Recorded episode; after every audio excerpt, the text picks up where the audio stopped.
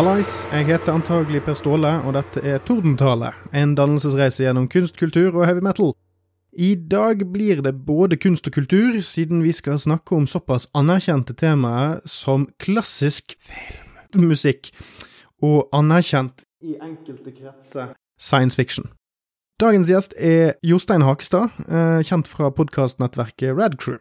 Jeg har mistet litt tellingen, men det nærmer seg vel ca. 10 000 forskjellige podkaster den gjengen der lager. Eh, Jeg skulle bare ønske at jeg hadde halvparten av eh, motivasjonen de har.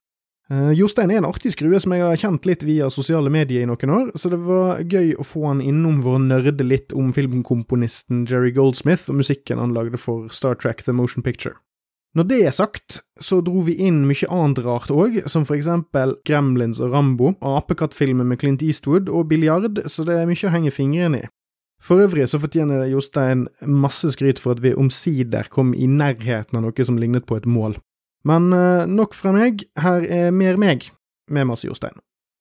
Da har jeg lyst til å ønske velkommen til uh, selveste Radcrew uh, Jostein Hakestad, som du òg heter når du introduserer deg sjøl. Um, Ja. Hei, hei. jo, du eh, klarte jo å invitere deg sjøl litt sånn halvveis, for så vidt. Det setter jeg jo òg veldig pris på. Du vet, det er som en eh, Når det gjelder dette temaet som, som vi skal snakke om i dag, så er som en sånn uh, Jehovas vitneperson eller mormoner, mormoner eller noe, for veldig Da, da driver jeg oppsøkende virksomhet. Ja, Jerome's Witness. Stemmer. Nei, eh, fordi vi skal jo snakke om Jerry Goldsmith Mhm. eh, spesifikt, men kanskje litt mer generelt. eh, litt Star Trek, og så ja. Ja. et ganske konkret Star Trek, og så blir det vel kanskje litt sånn utsvevende og, og esoterisk. Men vi drøftet jo litt sånn fram og tilbake før du på, på chat Mm. Om hvilke av disse, disse her du ville trekke fram, og da, da sto du mellom Star Trek 1 og Rambo til slutt. Ja. For det er jo Jerry Goldsmith som har kjørt Det er i hvert fall den originale Rambo-trilogien. Er det vel han som har musikken Det er det. på. tre? Og det er jo Altså, han er jo en komponist som har gjort alt mellom himmel og jord.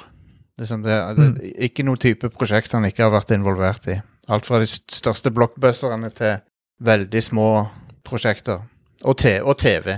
Har du noen eksempler fra noen mindre ting? For jeg, jeg har stort sett bare sett han liksom i disse her store Hollywood-greiene. Ja, så er det noe han- altså, sånn TV-greier Han, han, han, eh, han eh, skrev jo musikk for Gunsmoke, den, hvis jeg ikke tar helt feil. Clint Eastwood. Nei, den, den, eh, det er TV-serien. Svart-hvitt TV-serie. Ja, men er det Gunsmoke eller Rawhide som Clint Eastwood var med i? Jeg husker ikke helt hvilken en- han var med i, faktisk. Kanskje det var Gunsmoke? Kanskje det er Rawhide. Men han, og så har han gjort musikken til The Waltons og Star Trek Voyager har han jo te temaet til. Ja, som er TV-serien Ja. på 90-tallet. Ja. Og Barnaby Jones har han òg musikken til. Waltons er vel en sånn 80-talls, 70-80-talls sitcom, ikke det? Jo, det er, jo, det er det. Noe sånn her er sånn uh, The Cosby Show-vibb jeg får av å høre det, i hvert fall. ja, jeg, jeg har ikke sett på det, faktisk, men jeg har hørt litt av det han har skrevet til det. Men uh, Så det er, noe, det er noe, noe av de tingene han har gjort innen TV, da, men så har han jo så han er jo mest kjent for Så tingen er, når vi skulle velge hva vi skulle snakke om av hans sine verk, så, så ville jeg jo ta utgangspunkt i hvert fall noe som folk har hørt om, da. så, så da er det jo Rambo har folk hørt om, Star Trek har, har de fleste hørt om, vil jeg tro. Ja, Så du er, du er litt sånn taktisk. Det der podkast-taktikkeriet der, med hva er det du brenner for, og hvem er det som kan komme til å finne på å klikke på det hvis du Ja, ja. snakker om det? Ja, det er sant det. Men sant, du må jo ha en Hvis du skal introdusere folk til din uh, obsession, så må du ha en sånn Du må ha en lav terskel for de som skal høre på det. ja. uh, for jeg, kan, jeg kan liksom ikke hoppe rett på obskure ting. Nei, det er jo forståelig, det. Men altså, du har jo sånn, for Der har du Jerry Goldsmith på den ene siden, men du har jo òg et uh, over gjennomsnittlig, i hvert fall for norsk uh, standard, uh, forhold til Star Trek. Ja. Du har jo eksempel en Star Trek-podkast med din egen mor, blant annet. ja, hun er også fan av det. Hun er fan av filmen òg, det, det overrasket meg når jeg, når jeg hørte på, for det er jo din mor, og så er det resten av to-tre andre fra Ja. podcast-crewet som er med. Og det, det som overrasket meg litt, var at jeg, jeg trodde at det skulle bli litt sånn Kevin Smith-aktig, der han bare drar inn moren sin fordi at det er gøy å se på den rare moren min, men så var det jo det at eh, du sånn, Det kommer sånne små drypp eh, underveis som liksom der jeg skjønner at moren din faktisk er liker dette her, og ikke det er bare sånn kuriosa, og så trekker hun inn litt sånn artige sånne litterære Ja, ja. Uh, tolkninger og sånt underveis. Med, sånt det faktisk gir en ekstra dimensjon til podkasten. ja, ja. Det var en grunn til at jeg inviterte henne Uh for det, hun er Star Trek-fan og har vært det jeg, tror vi ble Star Trek-fans omtrent samtidig. Det var når jeg var i tenårene, begynte jeg å se på det, og så, så ble hun introdusert til det gjennom meg, tror jeg. Og, um, og broren min, da. Og så har vi bare vært fans siden da. Siden eh, 90-tallet en gang. Så det var eh, Det har vært veldig, eh, veldig givende å kunne dele den interessen. Ja, men det, det, det der å bonde over sånt med sin mor er ikke alle forunt. Jeg har et veldig varmt minne om å sitte og se Robocop klokken eh, halv tolv om natten med mamma da jeg var 13. Det var òg veldig sånn- Robocop er jo eh, Ja, nei, det er litt en ting å bonde over. Jeg tror det der, det er sånn, de, er nødt til, de er nødt til å bli overbevist om at det er noe smart Ja. før, før de slår av. Så det er de, de første fem minuttene som er de Ja, viktigste. vi kunne, vi kunne, jeg kunne snakke om Paul Verhoeven eh, også. jeg elsker han. Kanskje min favorittregissør. Såpass. Om ikke han er en favoritt, så er han i hvert fall eh, en av yndlingene mine når det kommer til å faktisk klare å være sånn subversiv på meganivå uten å bli, Ja. uten å bli stoppet. Det er jo ganske imponerende å klare å lage Robocop, Total Recall og Starship Troopers uten å bli fucket over av studioet Ja, de- de- på noe Tror tidspunkt. de, stå, tror de fant ut av det til slutt. ja, Men uh, det var Showgirls, tror jeg var det som Ja, men Showgirls det, Vet du hva? Jeg, jeg, kan, eh, jeg kan se det nå. Jeg syns den er det, det, Jeg syns ikke han er kjedelig å se på. Han er, han er, han er underholdende. Nei, altså, jeg skal ikke kalle Showgirls eh, like bra som de tre andre der, men det, du, man kan liksom ikke ha sett de andre Hollywood-blockbusterne hans, og så, og så skal du lese det bokstavelig Nei, når du får er jo- presentert i Showgirls, heller. Det er, det, han er en, han er en så såkalt autør, han, han mm. Verhoeven, så du må alltid overfla, Den overfladiske tolkninga er sjelden den riktige når det gjelder hans filmer. da.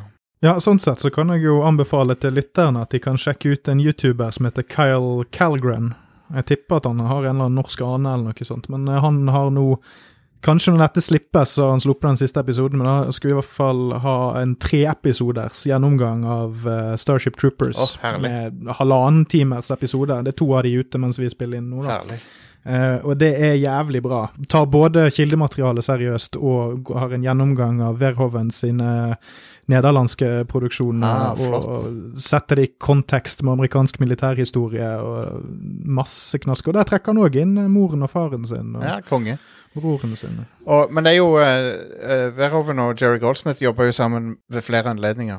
Er det Goldsmith som har Total Recall? Han har Total Recall, han har Basic Instinct, Mm. Og han har Hollow Man. Ja, de to, Jeg har ikke sett Basic Instinct og Hollow Man av en eller annen grunn. Det er de to som har liksom bare sklidd vekk fra meg, på en måte. Aldri det er veldig- seg. Fantastisk bra musikk i Basic Instinct, um, men hele den filmen er jo en slags re, Ikke remake av Vertigo, men det, den, den, Mm. han låner massivt fra Vertigo. Inkludert det at han foregår i San Francisco.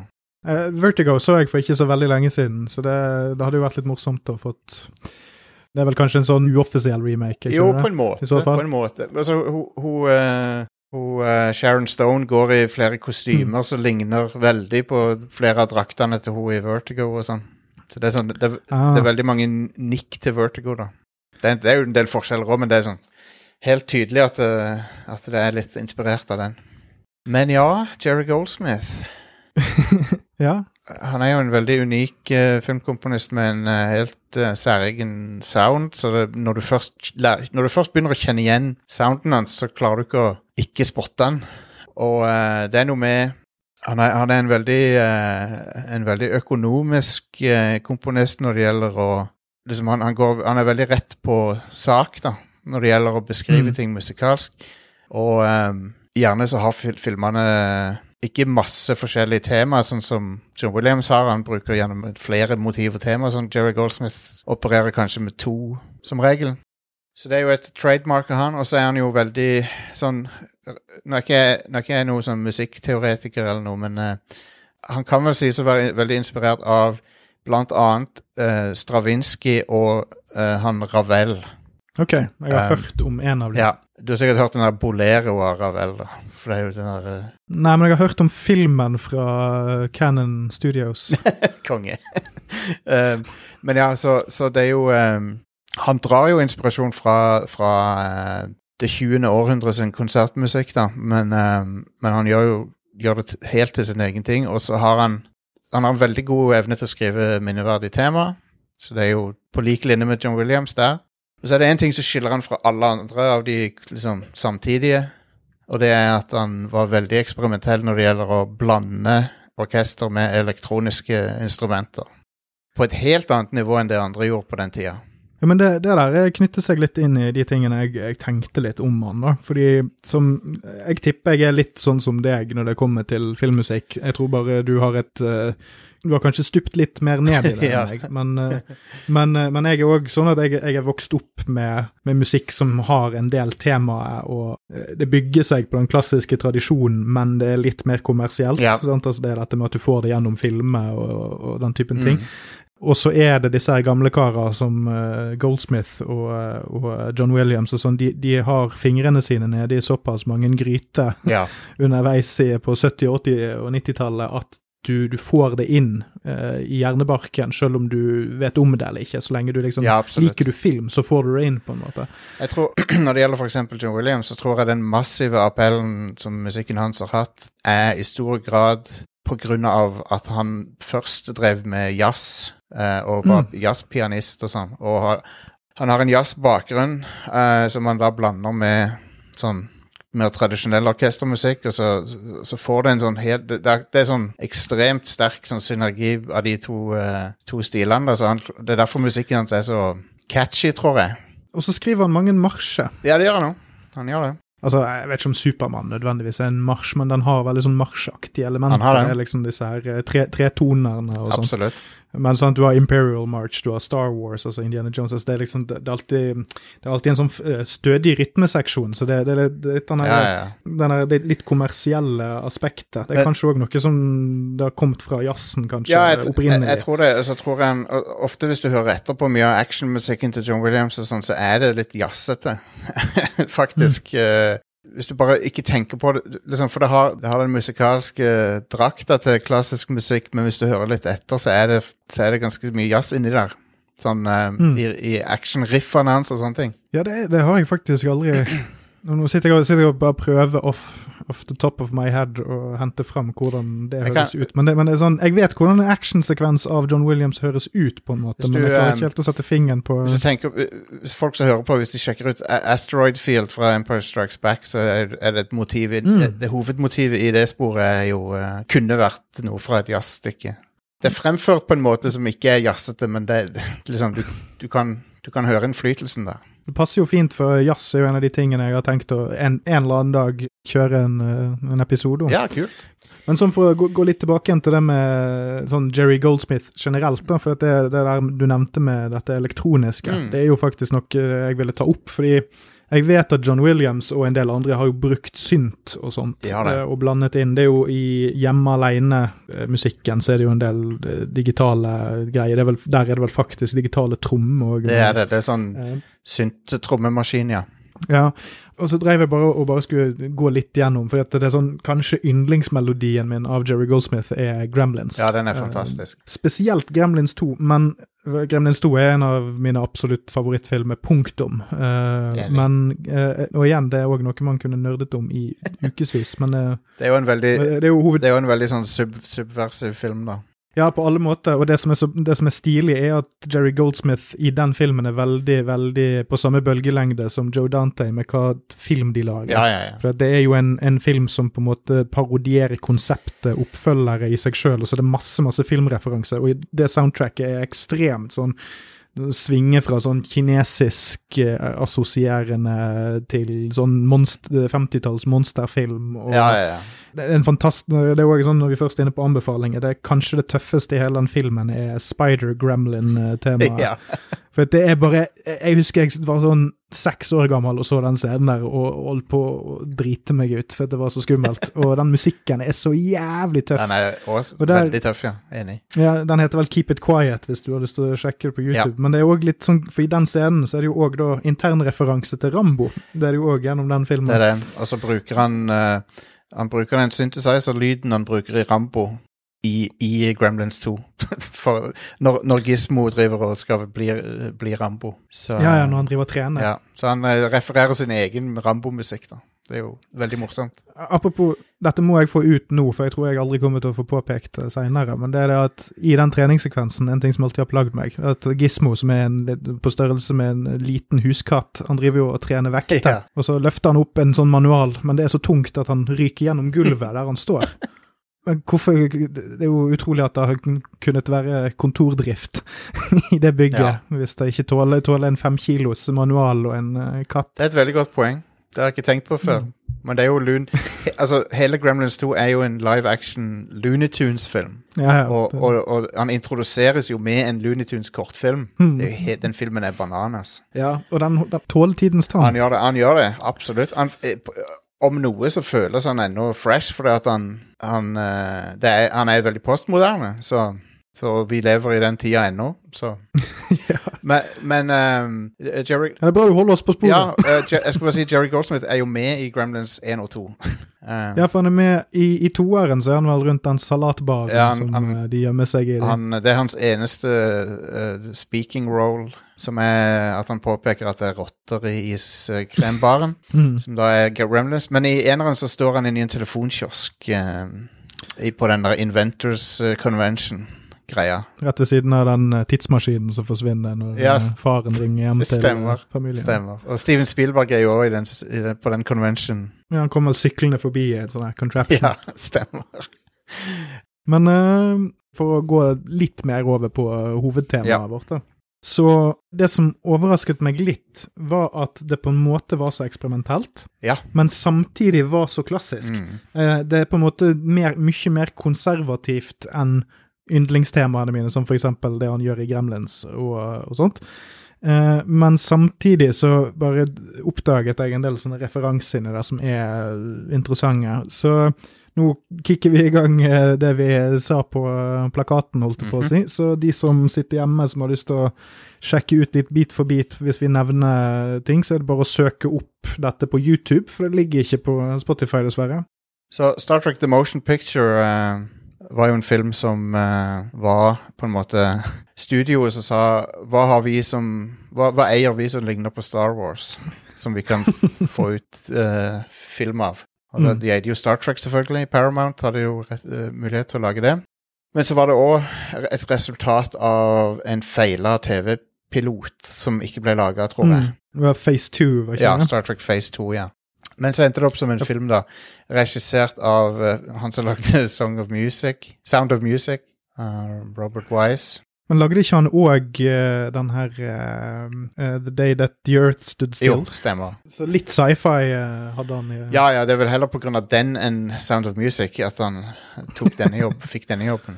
Men det er jo litt siderumpa å dra inn en fyr som lagde en bra sci-fi-film 25 år tidligere, Ja. til å lage banebrytende Han, det er jo litt Det er jo litt sånn som Ridley Scott nå om dagen, i at han i- Altså, han er han er ikke den han var altså, Han er ikke i stand til å produsere sånne ting som han gjorde en gang i tida.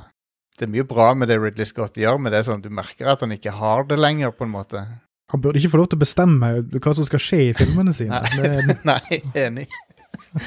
Få Quentin Tarantino til å skrive noe til, ham. Ja. Altså, bare si at han ikke får lov til å forandre en dritt av det som står der, så tror jeg det hadde blitt jævlig bra. Så Jerry Goldsmith kom om bord her, og så uh, uh, skulle da skrive et eh, ja, ganske heftig mengde musikk til denne filmen. Og det som er litt artig, er at det hovedtemaet som du kan høre på uh, Det er vel Ja, du hører det i de fleste sporene, egentlig, men um, Ja, for dette var det du nevnte jo tidligere, at han, at han har sånn eh, noen to-tre sånne Ja. to hovedmotiver kanskje som går. Og det her er jo the Star Trek-theme for de som ikke er så veldig versert i Star Trek. Ja. Fordi dette er, vel, dette er jo temalåten til Star Trek The Next Generation som kommer ut i 1987. Ja. TV-serien som de aller fleste kjenner til. Ja. Og så var det temalåten i denne filmen og i film nummer fem. Jeg tror ikke det er temalåt i de andre originalcast-filmene. Nei. eh, temaet er brukt i én, fem uh, og så Next Generation-filmene. Ja, For den er brukt i alle de? Nei, jeg klarte ikke å huske noe. Han er brukt i, i eh, alle unntatt den første Next Generation-filmen. Okay. Men Jerry Goldsmith kom tilbake med First Contact, og da begynte han å bruke de temaene sine igjen. Men eh, det er jo et veldig velkjent tema som hvis, had, hvis TV-en din var skrudd på på 90-tallet, så har du sikkert hørt det. Um, fordi det gikk jo på TV2 og sånn. For jeg, og så lurer jeg på om det gikk på flere andre sånne kabel-TV-kanaler òg, av at det var sånn her eh, Åh, hva er det dette? Syndication-serie, så de kunne på en måte selge det til nesten hvem de ville. Ja, ja, ja. Så det, det, det ble liksom teppebombet utover alle sånne Det det ble absolutt det. Um, men ja, det er jo Temaet er jo veldig uh, sånn eventyrspirit og sånn ut, ut i verdensrommet og utforske og Det er veldig sånn op optimistisk. Det passer veldig godt til Star Trek uh, som konsept, da. Og så er det ikke corny. For det at TV-serietemaet Star Trek er, er corny. med, en, så- med Ja. en sånn operasanger som synger, liksom. Mm. Det, det sånn Det føles veldig 60-talls. Altså, jeg liker det opprinnelige Star Trek-temaet, men, tema, men det, du, du kan ikke Det, det hadde ikke passa i den filmen. Nei, og jeg vil jo si at det å bruke Fordi jeg, jeg reagerte på disse Altså, jeg, jeg er hovedsakelig en Star Trek-filmfan. Ja. Jeg har sett jeg, jeg holder på å prøve å jobbe meg inn i Next Generation, og så har jeg sett halve sesong én av Jeg har et bokssett med eh, original series stående her, som det, det handler bare om å liksom være i humør til å se det, for jeg liker det egentlig veldig godt. Mm. En veldig sånn fin sånn Det er ikke masete. I hvert fall gammel Star Trek er veldig lite masete, og det er veldig perfekt i noen settinger. Ja, ja. Men jeg liker filmene veldig godt, i hvert fall originalene. Og det er Det jeg da syns er artig, er at dette her har på en måte blitt Star Trek-temaet når det kommer inn og på en måte kaster vekk det gamle. Eh, Men jeg syns det kommer på et såpass bra tidspunkt i Star Trek-historiografien, holdt jeg på å si, at jeg syns det er en akseptabel erstatning for originaltemaet. ja. Så når jeg så disse nye til JJ Abrams, så skjønte jeg ikke hvorfor i helvete de ikke hadde med eh, liksom next gen-temaet. Eh, fordi de inkluderer jo de, de lager en ny musikk, og så inkluderer de sånne hentydninger til originalserietemaet. Og Det syns jeg faktisk muligens var et lite feilsteg. ja. De, det er noen ting med musikken i de filmene I de nyere filmene som jeg, som jeg liker. Um, Det samme her. jeg, jeg, jeg liker at de etterligner uh, actionmusikken fra TV-serien. For det er sånn veldig over the top actionmusikk som er når Kirk slåss mot noen og sånn, så det, det liker jeg. Men Mm. hovedtemaet er litt forglemmelig. Dessverre. Ja, altså det er ganske fint, det nye hovedtemaet, men det er liksom ikke Altså, det, det passer best som en sånn sweeping intro til noe Ja. annet. Men ja, hovedtemaet til uh, The Motion Picture er jo uh, et av de mer gjenkjennelige temaene, vel, sånn i, fi i filmmusikk generelt. Det, kan, det er jo ikke på høyde med Star Wars-temaet, men det er veldig, veldig kjent. Um, men etter, etter vi da hører den main title, så, så begynner jo den scenen der uh, klingonene konfronterer et uh, ukjent fenomen i verdensrommet. Da Jerry Goldsmith introduserer et motiv for uh, klingonene, da. Som man Det er et jævlig kult spor. det er det. Og så seinere så bruker han det motivet på uh, Worf, da, i, i TNG-filmene. Ja, Worf er jo vel den eneste klingonen i Starfleet, er ikke han det? På, det er vel 100 år seinere, når de har blitt snille. Ja, ja, de har blitt venner. Men her er det jo Det er jo litt artig her, da, for at klingonene i denne filmen De er jo ikke presentert som fiendene til menneskene. Det er mer sånn De er litt sånn som Sovjetunionen eller noe, sant? De er Mhm. sånn, de er ikke direkte hostile i krig med oss, men, men vi er i kald krig med dem. Men, men liksom, du ser at menneskene observerer, og her har det skjedd et eller annet veldig galt med et Klingon-flåte, liksom. Hva er det som skjer? Men siden vi ikke har en åpen kanal med dem, så vet vi ikke helt hva som har skjedd. Eh, men uansett så er det jo, introduserer han jo et Klingon-motiv som er sånn her rytmisk eh, krigs... eh, veldig, du hører det, veldig sånn krigersk tema, da. Veldig kult. Jeg liker det litt. Det, er spesielt med Det er noe med de blåserne der, Ja. som får Kombinert med, med den Med liksom klingon-rytmene, Mm. som minner meg veldig om noen av de litt roligere partiene i Basil Polidoris sitt Konan-soundtrack, faktisk. Ja, ja den, kan jeg, den kan jeg se. Og jeg lurer på om det er fordi at de kanskje refererer litt til en sånn mongolsk Eller at de refererer til den samme liksom sånn, sånn eh, Yellow Peril-referansen eller noe sånt. får, i, ja, du får kanskje litt sånn Genghis Khan-feeling av, av, det. Sånn. At de kanskje kunne hatt et felles referansepunkt. Ja, det kan godt var i hvert fall der tankene mine gikk. Og det, det minner òg litt om Jerry Goldsmith sin egen musikk til Planet of the Apes. da. Det er på to do-listen min å se de gamle. Ja, det, Eh, Jeg har sett alle de nye, men ikke, ikke de gamle. Der er det også veldig interessant musikk. Veldig, ikke, og den er ikke sånn easy listening, men den er veldig interessant. uh, den er sånn, det, det er så atonalt som Jerry Goldsmith har gått noen gang, liksom. Veldig sånn uh, eksperimentell musikk. Men, okay. men det, det er kult. men der, i i den så bruker han jo kjøkkenredskaper og gryter og sånn i orkesteret. og masse sånne rare perkusjon... Og, og et bukkehorn eh, som, uh, som lager en slags sånn gorillaaktig lyd, da. Ganske eksperimentert. Tok mye syre på 60-tallet. Ja, jeg tror det. Um, han dirigerte orkesteret i sånn apemaske. så men, Og det fins det bilder av, så det er litt funny. Men um, et, etter dette her, da, så Etter klingene blir, de blir utradert av det der romfenomenet, Mm. så hører du en sinnssykt uh, fremmed og rar lyd fra, fra orkesteret, som du sikkert, sikkert la merke til, som uh, Ja litt som en uh, Litt som en elektrisk gitar, på en måte. Men det dette instrumentet er, da, det er artilleri Tomme artillerishells med, stre okay. med strenger trukket over, og så slår du på dem med en hammer. Den ble kalt for the blaster beam, det instrumentet.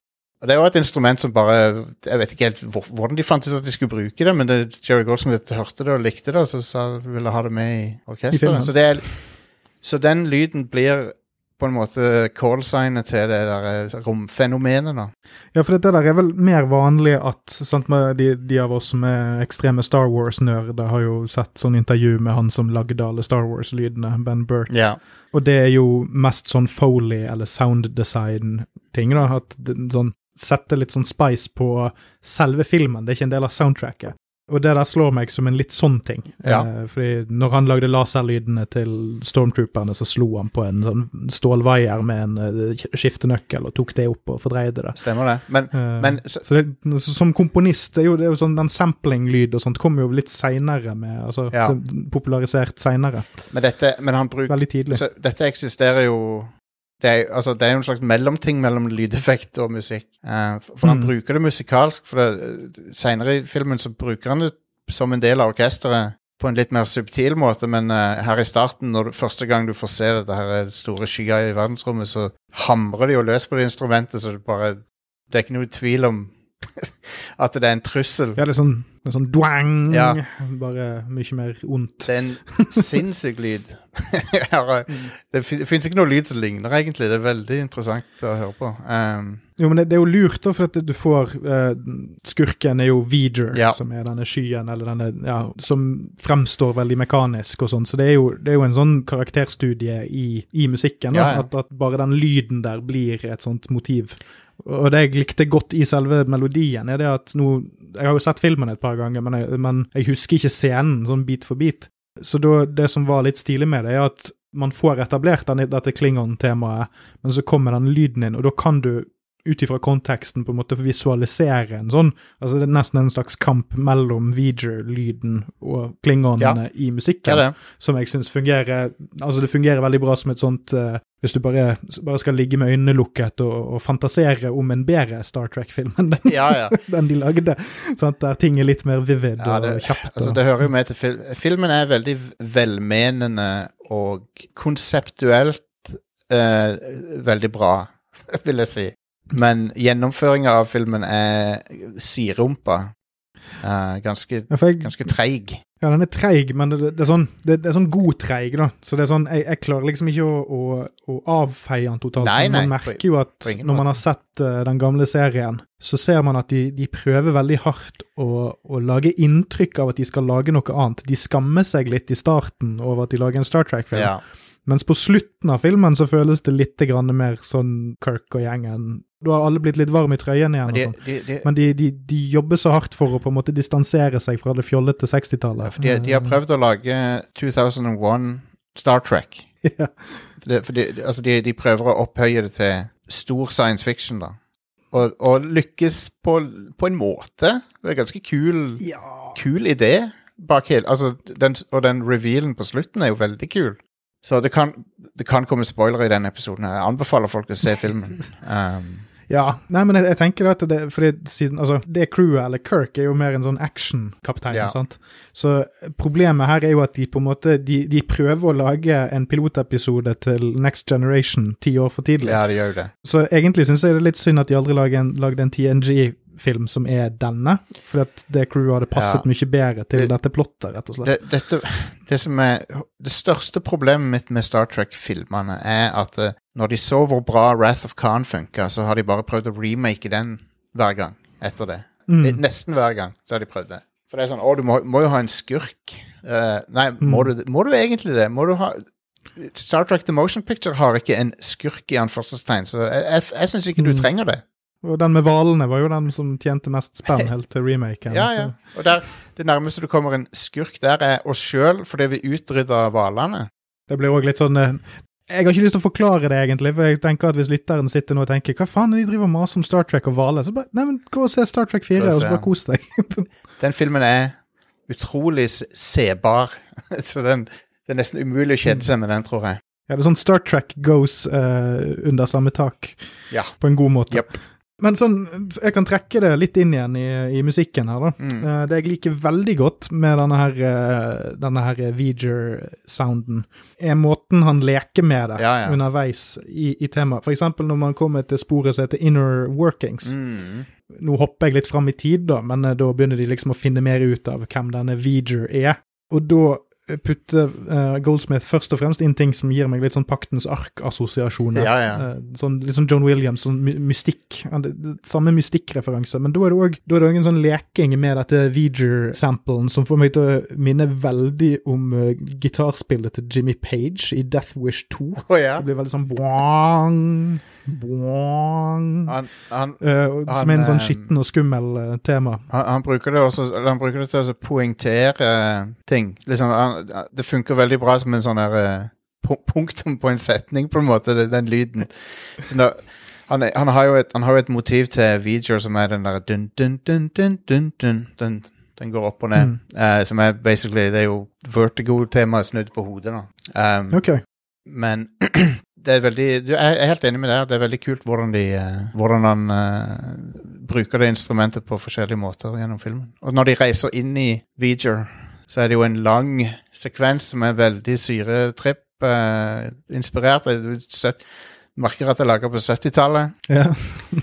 Basically bare det, Den må vare ti minutter, den scenen, tror jeg. ja, eller den, den gir i hvert fall den syretripp-effekten av at det føles som om det tar ti Ja. minutter. Det er sånn time dilation på gang. Og så eh, passer det jo òg veldig bra altså, i den scenen å sende Mr. Spock ut i verdensrommet som en slags sånn Han er jo nesten avataren for syrehodet på 70-tallet. De som syntes at det var litt for uh, klisjé å være eh, opptatt av alver, da var det liksom Vulcans. Men sånn for å, jeg, jeg tenker for å, for å på en måte fortelle litt om hva jeg liker videre i de neste scenene, så må vi kanskje ta og male et litt sånn bilde av hva som foregår for Ja. lytteren. da. Ja. Og da er jo greien at det har gått ti år siden serien sluttet, og dette er på en måte en sånn restart. Så det er ikke sånn, sånn, sånn at filmpublikummet og de som kjenner de fra TV-serien, skal på en måte bli reintrodusert for dem. Ja. Kan vi ta en litt sånn Ja. kjapp gjennomgang Så? Cap Captain Kirk, nå Admiral Kirk, eh, som eh, du merker at eh, det er noe som han egentlig ikke har lyst til å være, for han trives best som kaptein, men nå er han admiral, og så skal han overse eh, arbeidet som er gjort med å eh, modernisere Enterprise. da. og eh, akkurat når han skal gjøre det, så skjer jo dette her romfenomenet som tydeligvis har fucka opp Klingon-flåten ganske heftig, pluss er på vei mot jorda av en eller annen grunn. Og Så da må Enterprise ut. Selv om de ikke har Skipet er ikke helt ferdig fiksa opp, og de har ikke fullstendig mannskap og sånn, men Kirk eh, blir med den eh, nye kapteinen da, med ut for å liksom, oppsøke dette fenomenet og prøve å kommunisere med det, eller stoppe det, eller forhindre det fra fra å gjøre, det med, gjøre med jorda det som man gjorde med klingonene. da. Um, så er det litt sånn Dynamikken er jo at eh, Kirk er han, er ikke, han er ikke bekvem med at uh, en, det er en annen fyr som er kaptein. Nei, det hadde jo ikke jeg heller vært, for det er jo han eh, pedoen fra Seven Ja, ja, så det, ja jeg, jeg, jeg var ikke sikker på om jeg skulle nevne det, men han Stephen Collins uh, Du kan jo google han, hva Ja. han har funnet på.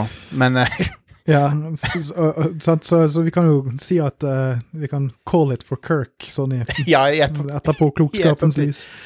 det, ja i, I dette tilfellet så skal jeg gi det til Shatner. Um, selv om det er mange, Det jeg, mange tilfeller der jeg ikke vil gjøre det. Men Jeg er, jeg er Shatner-fan, altså. Jeg, eh, jeg så eh, Boston Legal før jeg begynte å se Star Trek-filmene. Ja, ja, ja. Så jeg, eh, jeg, har, jeg har bare en sånn softspot for i hvert Altså, fall on-screen-personaen hans. Mi, mi, mi, misforstå meg rett. Jeg er en stor William Shatner-fan når det gjelder hva han putter på skjermen. Jeg bare, alt jeg hører om han som person, er ikke bra. så, og, og de andre cast-medlemmene i Star Trek er ikke fan av han. Så Nei, men han er litt sånn eh, Star Trek sin eh, Eller bortsett fra Gene Roddenberry, er det, men han er på en måte Star Trek sin eh, Stan Lee.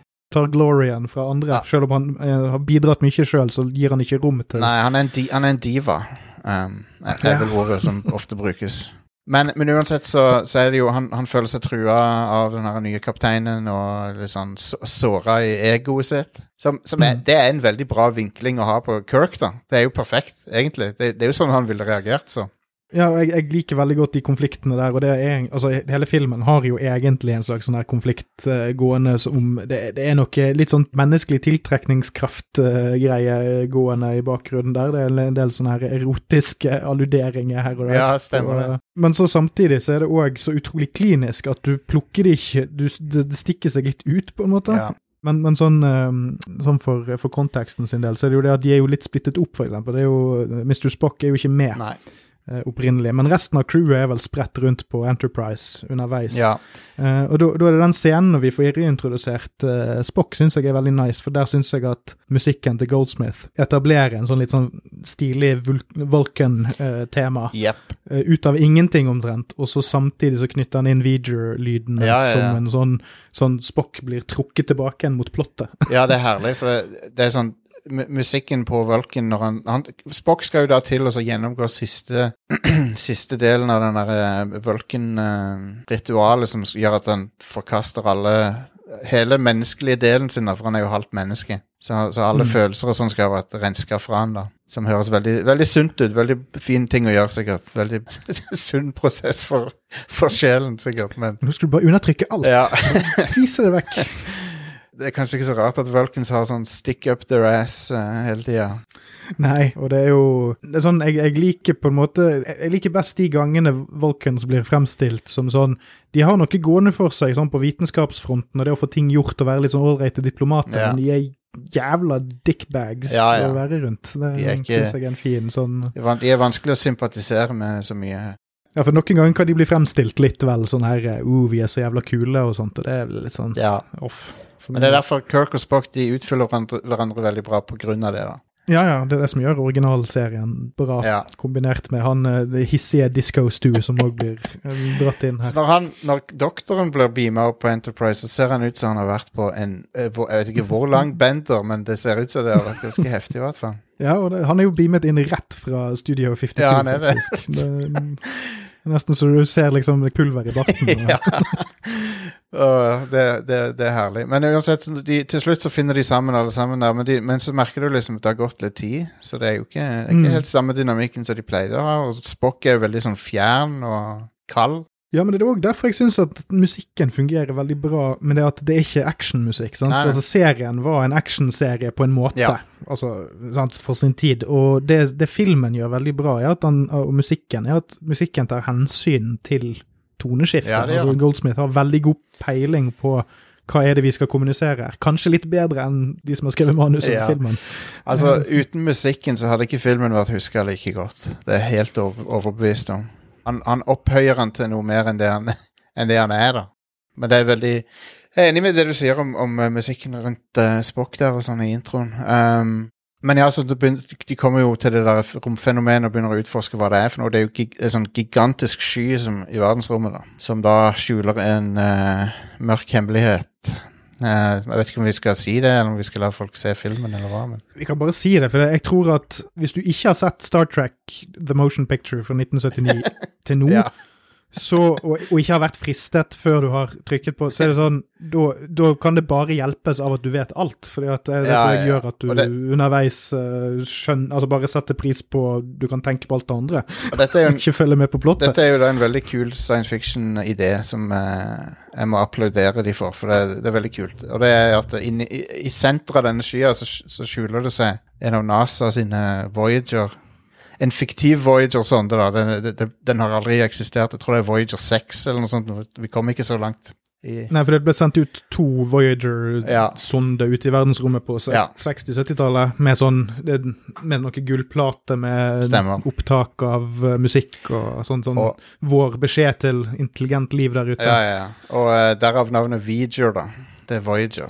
Så Som har kommet tilbake. Ja, Voyager er kommet tilbake, og eh, hva var oppdraget til Voyager? Det var å samle inn så mye informasjon han kunne, og sende det tilbake til oss. Og nå Mm. har han samla inn så mye han kan, og så er han på vei tilbake for å så infodumpe alt, alt han har lært. Problemet er at han har jo Dokse jorden. På reisen så har han blitt oppgradert, er jo tingen, da. Mm. Så han har jo blitt i stand til å så liksom fullføre oppdraget sitt, som er helt crazy. Sånn, så han har jo samla en alt mulig rart av info, info fra hele galaksen. Eh, Pluss at han digitaliserer fysiske ting. Da, så han har jo, De skipene han har angrepet, og sånn har han jo gjort om til digital informasjon.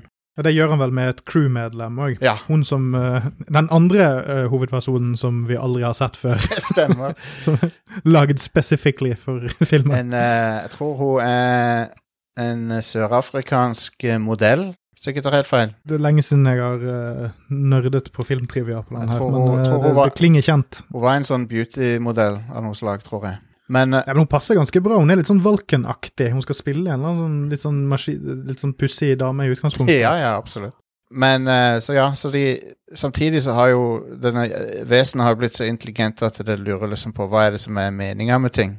Så prøver han å kommunisere med jorda, da, men det, det er jo ikke Det er jo evigheter siden noen drev og hadde tenkt å kommunisere med en Voyager-sonde, så de skjønner liksom ikke helt hva, det er greia, liksom.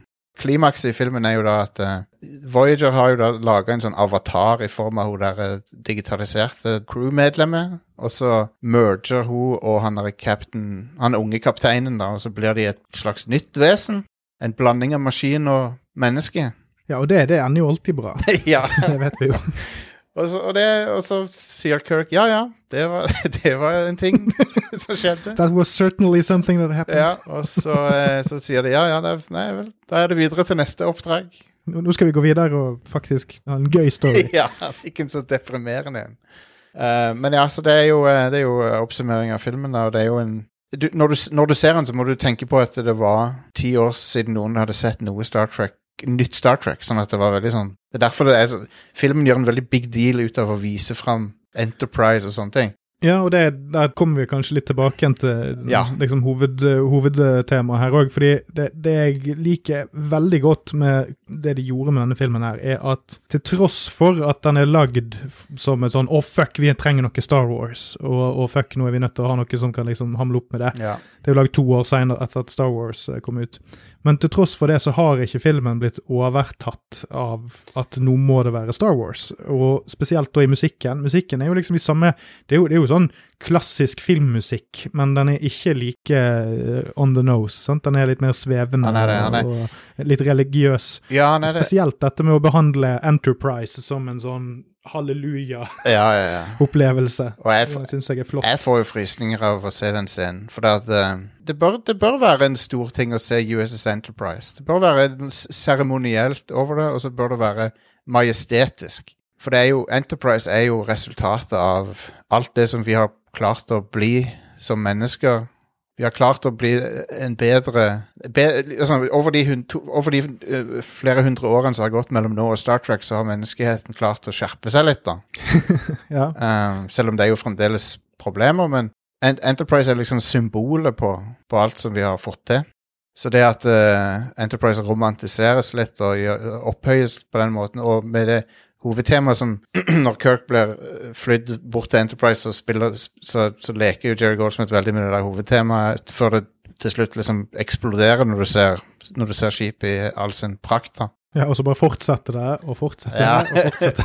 mens, de, mens de kjører sakte forbi denne modellen Enterprise Ja. som de har brukt enormt mye penger på å bygge. Når de hadde bygd en sånn svær miniatyr, så må de jo vise den fram. Men den er jævlig fin, den her. Det er jo En annen ting er jo at selve filmen er veldig Syns jeg holdt seg sånn spesialeffektmessig ganske godt. Veldig. Når du tar høyde for at det alt er analogt og ikke noe dataeffekt og sånn, så er det Og det er sånn når du først vet at du skal se en treg film, Ja. så er den scenen der veldig fin. Men hvis du begynner å se på klokken allerede når eh, Spock begynner å høre de her klangelydene, da, da kommer du nok til å dette av. Ja, du gjør nok det. Men uh, det er jo en uh, Så, så sporet på altså albumet, hvis noen vil høre det, det heter uh, selvfølgelig The Enterprise, da. Ja, og så vil jeg òg anbefale Leaving Dry Dock. Ja. For det er den neste. For at i kombo de to, så syns jeg at de setter standarden litt. For at det er sånn Filmen er mer en slags sånn er ikke det fantastisk at verdensrommet eksisterer? Jo, jo, jo. Og at er ikke det mye pussig der ute? Og det syns jeg at disse to, altså at main-titlen og denne dvelende seksjonene der det liksom leker med det, klarer liksom Ja, ja. Å, å fange. Og det er jo ikke, det er ikke et snev av ironi, Nei, og jeg elsker det. det, det er liksom det, Dette er Verdensrommet er majestetisk og flott og litt skummelt.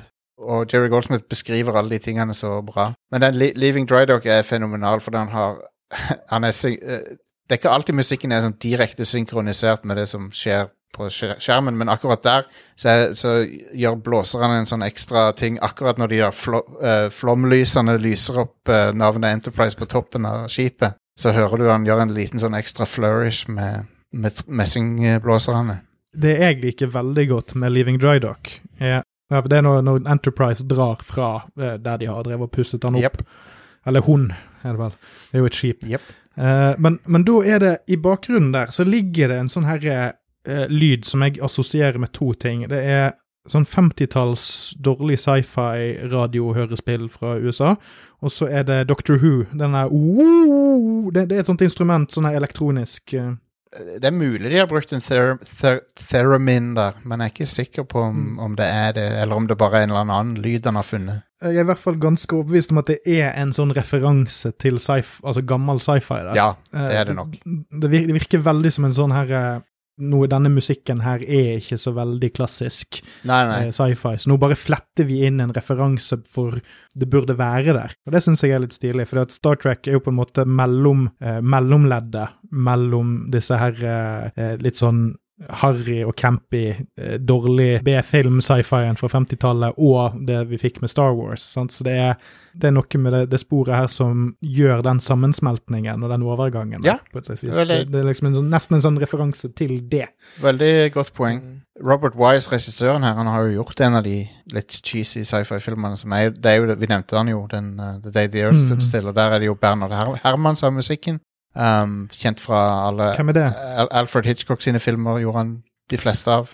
Og der er jo det, der er jo det instrumentet som du nevner, det er jo featured heavily da, i, sammen med orkesteret. Kanskje det er det Goldsmith tenkte på. Kan godt hende. Kan godt hende. Bare for å kødde med regissøren litt. Ja, ja. Jeg elsker for øvrig det soundtracket òg. Bernhard Herman er jo, var jo et uh, geni. Men så kommer vi videre. Når de, når de møter på Viger, så introduserer han jo mer av den mystikken med verdensrommet, at det er sånn Det, det blir plutselig mye mer eh, Litt sånn Ikke skummelt, men det er litt sånn Det er noe, det er noe veldig ukje, ukjent og fremmed som de går eh, mot, da.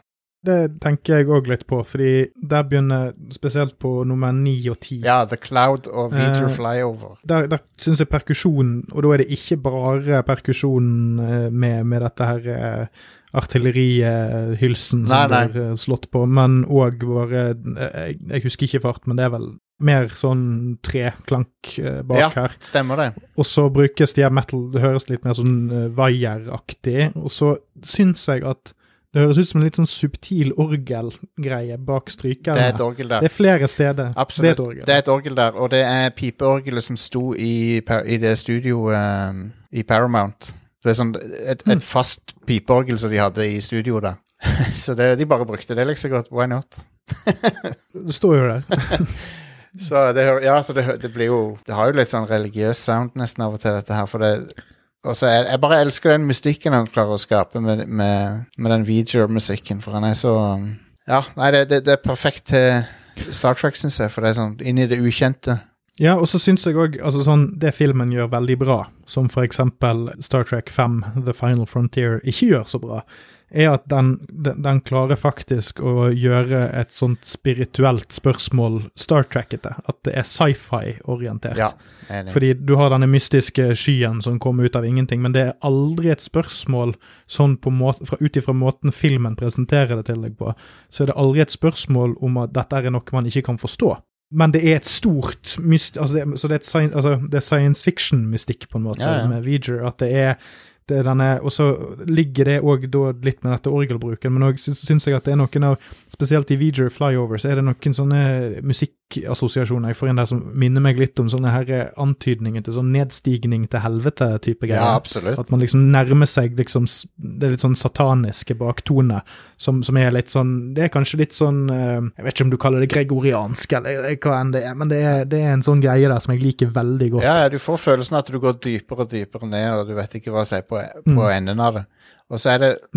Produksjonsdesign er jo veldig bra her, for at um, du får hele tida se deler av videoer, men, du, men det er så digert at du klarer ikke, hjernen din klarer ikke å lage et bilde av hvordan det skipet ser ut, for at det er så svært.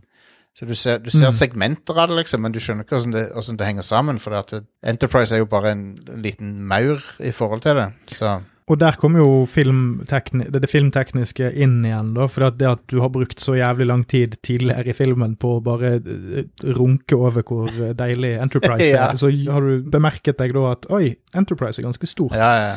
Et stort skip. Sant? Så da blir det perspektivforandringen når de nærmer seg Veger, enda mer slående. Både på effektbruken, men òg bare sånn kamerateknikk. Ja, absolutt. Så er det mye mer av det utover resten av filmen, egentlig. Ja. Det, men det er òg et standout-spor som er når Spock eh, drar ut i romdrakt for å prøve å finne ut av hva V'ger er for noe. Det er jo veldig bra spor. Som heter Spock Ja. Walk.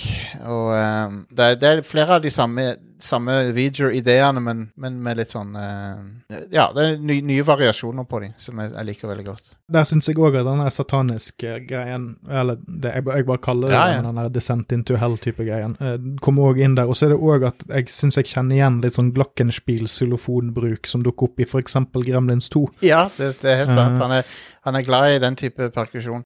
Når du sier satanisk, så høres det jo, hører jo med til historien at han, han gjorde jo The Omen et par år før, før dette her også. Ja, jeg lot være å sjekke hva annet han hadde gjort som jeg ikke kom på. Ja. Litt, for, uh, litt for dannelsens skyld. Uh, Ja, ja, ja. Sånn, eh, jeg, pleier, jeg, jeg, jeg prøver å ikke lese meg opp så veldig, men her var det sånn at jeg, jeg kunne noen ting. Så det var, jeg sjekket de tingene jeg på en måte kunne fra før. ja. Det er jo tra tragisk nok så er jo The Omen eneste Oscaren han har vunnet. Men det er jo en jævlig god film, da. Ja, absolutt. Det jo, og musikken er jo helt eh, sånn bone-chilling, liksom. Den- Den går helt inn i eh, margen. Til marg og bein. Den er Ja. creepy.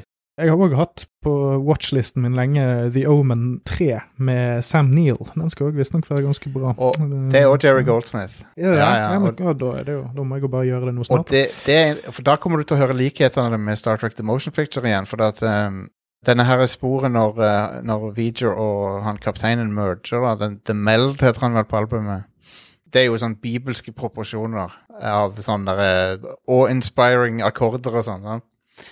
Når de, når de Mm. merger, da, da skifter tonen og blir, han blir mer positiv, og han blir veldig sånn der Holy shit, dette er store greier som skjer, liksom. Og det, men men i, eh, i den eh, The Omen 3 så er det masse av lignende ting, da. Som uh, Ja, men Det er litt gøy, for den, har, den har vært på watchlisten min i årevis. Men så er det sånn, man må være litt i sånn spesielt humør. Men bare det der å være på en sånn uh, Goldsmith-kick kan jo faktisk være det som uh, motiverer meg Ja, til det- å trykke play. det er så mye å oppdage. Det er jo litt, Av og til så tenker jeg på hva er det, hva er det liksom hvermannsen husker han for? Og jeg tror jeg, jeg har kommet frem til Jeg tror det folk flest husker Jerry Goldsmith for nå, det er Mulan. Ja, det er han, ja. Ja. Han døde jo ikke så lenge etter det. Ja, Han døde i 2004, så han uh, Mulan var 98. så Mul Mulan eh, er jo, uh, har jo mange, mange millioner visninger på YouTube og sånn musikk Liksom enkeltspor fra scoren hans og sånn, så jeg tror folk er veldig glad i den. Når jeg drev og googlet her, så jeg tror ikke den har spesielt mange, eh, mange views. Men jeg skal ta og bare, bare for moro skyld ta og sende deg til etterpå en eh, fremstilling av det danske, danske symfoniorkesteret som blir dirigert av en sånn Jeg tror hun er sånn gamingkomponist. Å ja, kult. de spiller Gremlins 2-temaet, men med synthesizere og, og oh, digitale trommer. Ja, det skal jeg sjekke ut. Det er jævlig bra. Jeg skal ta og legge det ut i linken til de som, eh, de som hører på òg. Fantastisk. jeg, tror For jeg syns det, det er en ganske ny innspilling fra et par år siden. Liksom. Og det er bare sånn, det er et eksempel på levende musikk, da, syns jeg. Altså det at, Mm. at det får lov til å være noe som ikke bare trykkes på play på på YouTube, eller på, eh, som er gjemt i bakgrunnen. Og det er noe litt sånn ekstra spesielt med å se Spesielt denne komboen av det digitale, altså det digitale som Goldsmith Ja. bruker. Og spesielt når det kommer til Gremlins-temaet, for den første versjonen er heldigital, tror jeg, eller som er bare synthesizer. Er bare synthesizer, uh, ja. I, I første Gremlins så er det jo sparsommelig bruk av orkester. Det er, det er der, men det, han bruker det til for å uppe dramaet, da. Så mesteparten av Gremlins er jo veldig synt-heavy, men så når ting begynner å eskalere i den filmen, så er det mer og mer orkester. Det liker jeg. Det er kjempesmart gjort. Det jeg liker da ekstremt godt med, med måten han har tolket seg sjøl på i 2R-en, er det at Ja. det er på samme måte som at Gremlins 2 er en enormt mye dyrere og kaotisk film enn eneren, så er òg Gremlins 2-temaet mye mer påkostet. Og, Ja, ja, ja, det er jo det. og, og på en måte grandiost. Uh, og passer jævlig godt Ja. til det som på en måte skal kommuniseres. De er jo i The Big Apple, så det må jo reflekteres. Um, Ja, ikke sant? Synge New York, New York. Ja, ja, ja. Men han, har- altså, han, har, han har jo på en måte sh- showtuna uh, det Gremlins-temaet litt. Så har, det høres ut Ja. som en litt sånn showtune. Showtune er faktisk veldig bra, bra ord for det. Men, eh, men ja, altså, Star Trek The Motion Picture var jo uh, en av de første der han liksom eksperimenterte litt med masse rare lyder og sånn. Men han fortsetter jo med det hele karrieren og inkorporerer synthesizer på veldig interessante måter. Og du kan, jo, du kan jo egentlig telle på ei hånd de filmene han, han gjorde etter denne her, eh, som ikke har synthesizer av noe slag. For eh, det er, det er litt imponerende, for han var ikke en ung mann. Nei, nei, han var bare glad i å eksperimentere. Så, så han eh, Alt av teknologi eh, var han veldig eh, opptatt av. Og han var jo han var også veldig sånn fan av uh, høykvalitets digital lyd, sånn super audio-CD og sånn, som var en ting på 2000-tallet. Skal jeg fortelle deg om noen andre som var veldig opptatt av det formatet? Nei, ja, ja, hvem? Manowar. Manowar, ja. Konge. De ga ut eh, De var, promoterte det heftig. Og de ga det ut på et sånt format som var helt ko-ko. Det var en sånn super audio-CD som var sånn cutout. Så en kompis som jeg hadde den, og han spilte den i Discmanen sin, så bare spant han rundt og holdt på å ramle i gulvet. Men ja, det er i hvert fall Han var veldig opptatt av sånne ting, og hvordan, hvordan teknologi kunne brukes til å gi det høyere kvalitet eh, på lyd og bilde og alt sånt. der. Så Jeg tror Neil Young har slått et slag for det i ny- nyere tid. Oh, ja, ja. Jeg har litt sansen for det. Men, uh, men ja, så hvis du, hvis du hører Star Trek The Motion Picture og liker det du hører, så er det, da er jeg misunnelig på det, fordi da har du så mye å oppdage. Og Jerry Goldsmith har jo gått gjennom faser der han har Jeg vil jo si Star Trek The Motion Picture er på mange måter begynnelsen på en fase der han, gikk, der han ble veldig sånn uh, melodiøs og, og romantisk og, um, og e stor skala da, på orkesteret og liksom veldig sånn stor sound. Og den varte Mm. til ut, et godt stykke ut på 80-tallet. Uh, andre, andre eksempler på den type stil som han hadde da, det var, er jo Supergirl-filmen. En film som jeg tror du er den eneste andre personen i Norge som vet om, bortsett fra meg. Ja, ja. Det er jo, eh, Alex, vi, er, vi er to uh, Salkind-heads her. ja. Um, Kontekstmessig så kan jeg jo si til lytteren at uh, Jostein har plagd meg litt sånn av og på over flere år med sånn ymse referanse til Supergirl. Uh, både det at han ser på det og hører på det. ja. Uvisst helt hvordan det oppsto, men det har vel vært fikk- en sånn liten rød tråd. Jeg fikk med meg at du likte Eller at du, at du visste hvem Salkind-brødrene var og sånn, så det var vel det som gjorde det. Det- Salkind-brødrene er vel litt sånn som uh, The Cannon Group, bare at de er smarte. Hei, dette er Nerdesentralen. Vi beklager at vi må avbryte programmet, men her har altså både Per Ståle og Jostein drete seg loddrett ut og referert til Alexander og Ilja Salkind som brødre, og ikke far og sønn som de da vitterlig er. Vi beklager denne feilen. Podkastverten og hans gjest ble selvfølgelig summarisk henrettet etter sending. Kos dere med resten av programmet. Det, Altså det, ja, det er en litt Litt- mer kompetent versjon av Canon. Ja, så, så jeg, har, jeg har sagt det til lytterne mine før, men Cannon er på en måte min sånn store sånn oh, jeg elsker det med sånn drittfilmer fra 80-tallet. Ja, ja. Mens eh, de som produserte Supermann-filmene, de er litt sånn tilsvarende sånn øst Vagt sånn rart europeiske folk som, som kjøper opp rettigheter og driver med litt sånn backroom-dealing, men de får jo lagd storfilmer og er, Ja, ja. er på en måte litt skurkete av seg. De har fått Men, eh, men De, de, de, lag, de produserte jo flere kritikerroste filmer. Uh, Mm. Superman the Movie og den Tre musketerer og sånne ting. Og da spesielt da, da var det jo det at de prøvde å lage spin-off til Supermann-filmene med Supergirl, Ja, som er på mange måter ganske lik Star Trek The Motion Picture i den forstand at den føles ut som den er dobbelt så lang som Ja, den er, ja. og at musikken prøver så hardt den kan å holde det sammen, men uh, det funker ikke i Supergirl. Nei, den, den filmen er ikke bra. Den er dårlig på en måte som sjøl jeg ikke tåler, Ja. for den er, den er kjedelig i tillegg til at den er dårlig. Ja, det er, vel- Det, det er en kardinalsynd. musikken er det eneste jeg tar med meg fra den som er Eller Helen Slater er jo eh, for så vidt bra casting, da. Hvis du, hvis du hadde kuttet den ned til 40 minutter og hatt den som stumfilm, så hadde den vært kjempefin. Enig. Uh, men ja, så, du, og så har du òg, litt i samme stil som eh, Star Trek og Supergirl, så har du uh, Ridley Scott-filmen Legend, som han har musikken til. Det er jo òg en film som er veldig pen. Veldig. Og, og der i amerikanske cutten av Legends så har de erstatta all musikken til Jerry Goldsmith med de der eh, Tangerine Dream. Jeg, jeg så den nå nylig, og jeg tenkte ikke så mye på musikken, så da tipper jeg at det var Tangerine Dream. Det kan ha vært Goldsmiths, tror- Go- Goldsmith sin, Ja, fortsatt. Goldsmith sin versjon er veldig romantisk og, og, og sånn symfonisk, da. Veldig stort orkester og sånn, så du hadde nok lagt merke til det, tror jeg. Ja, det er i hvert fall den som er på prime, så det kan, ellers var jeg bare trøtt. Ja, det kan hende, det òg. Men eh, altså, jeg har ikke noe imot Tangerine Dream heller, men eh, jeg vet hva jeg foretrekker.